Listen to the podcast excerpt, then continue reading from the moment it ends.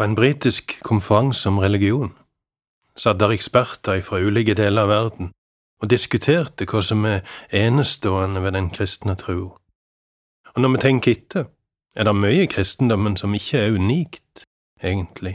Andre trossystem har òg hellige bøker, tanker om guder som kommer ned til jord, forestilling om livet til døden og mer til.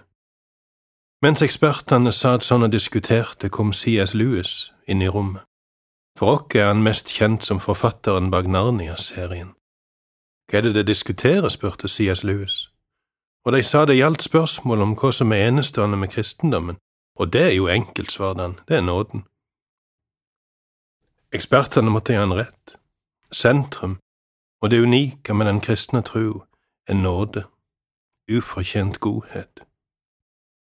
Jeg tenkte å si noe om tilgivelse denne uka her i radioen, og kanskje kan det være passende å begynne med å si at tilgivelse er nåde. Tilgivelse er med andre ord å møte mennesker med velvilje, uavhengig av hva de har fortjent. Vi kan kanskje begå den feil å tenke at tilgivelse er noe en gjør seg fortjent til, i det minste et stykke på vei. Men tilgivelse er ikke å balansere som i ei skålvekt det gode og det dumme som en person har gjort, og så velge å være vennlig mot en person, for fordi vedkommende tross alt har gjort mye bra som veier opp for det negative. Tilgivelse er heller ikke noe vi kun gir hvis det er tilstrekkelig mange og tilstrekkelig gode unnskyldninger, altså formildende omstendigheter. Folk snakker om ting som er utilgivelig, men det de kanskje burde sagt, var at det var uunnskyldelig. For det de mener er at noe har skjedd som folk ikke kan snakke seg ut av, de står der uten skikkelige unnskyldninger. Men der unnskyldningene stopper, der overtar tilgivelsen, for tilgivelse er nåde. Tilgivelse er faktisk heller ikke en slags belønning til et menneske som har vist tilstrekkelig anger, og som har vist seg ydmyk nok til å fortjene at vi kommer han i møte. Tilgivelse er nåde, ikke belønning. Det er ei holdning du velger å innta, uavhengig av hva den andre har gjort eller sagt. Det er en gave som du gir, ufortjent. Om forlatelse, sier vi. I alle fall sa vi det før. Jeg har hørt at dette uttrykket er tatt ut av bruk i den nyeste bibeløversettelsen, av frykt for at de unge skulle misforstå ordet og tro at det var ei bønn til Gud om å gå ifra oss. Men å be om forlatelse er å be Gud eller et av medmenneskene våre om å ta vekk synda og naget, at vedkommende må sjå på oss som om vi ikke har gjort den ugjerninga vi ber om forlatelse for. Det er ei sterke bønn, men vi ser at det er sånn Bibelen ser på tilgivelse. Et sterkt eksempel finner vi i boka om den gammeltestamentlige profeten Hosea, som levde for ca. 2700 år siden. Gud ga han beskjed om å gifte seg med ei truløse kvinne og han gifta seg med Gomer. Det er mulig at han dermed lufta ei prostituert ut av skam og fornedrelse, og ga henne en trygg heim der hun var elska, forsørga og beskytta. Men Gomer gikk ifra mannen sin. Hun fødte tre unger, og bibelteksten har hint om at det ikke var ektemannen som var far til de to siste.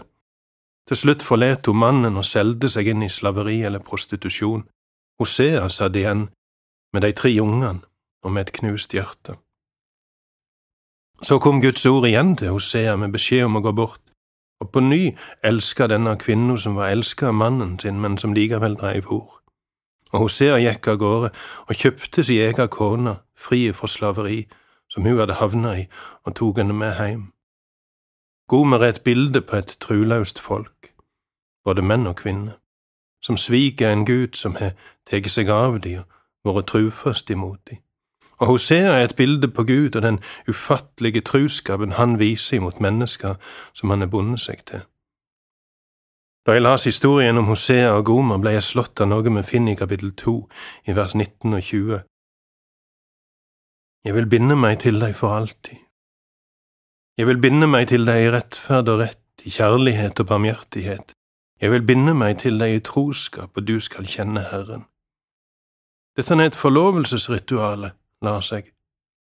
Et forlovelsesrituale, mellom mennesker som allerede er gifte, som har tre unger, og der kona har sveget mannen ufattelig djupt, et forlovelsesritual der i kapittel to, etter alle disse svigene.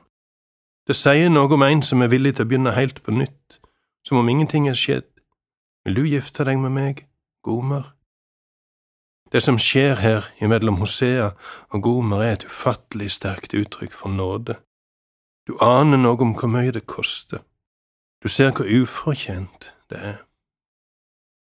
Og samtidig ser du noe av vekstpotensialet her. Et menneske som opplever en sånn en godhet, en sånn en kjærlighet, kan bli forvandla og sjøl bli fulgt til bristepunktet av kjærlighet og takknemlighet. Vet du forresten hvordan historien om Hosea og Gomer ender? Hvordan det gikk videre i ekteskapet deres? Det står ikke. Bibelen har ikke et eneste ord om hvordan det gikk med ekteskapet deres, og kanskje er grunnen at dette på et vis er historien om deg og Jesus, og du skal sjøl få lov til å skrive slutten.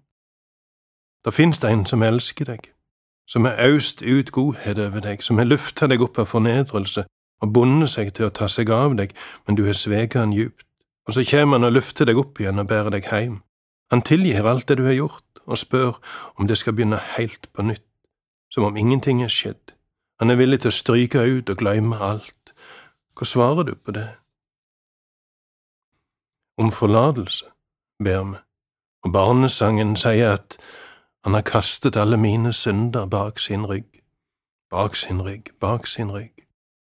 Han har kastet alle mine synder bak sin rygg, og han ser dem aldri mer.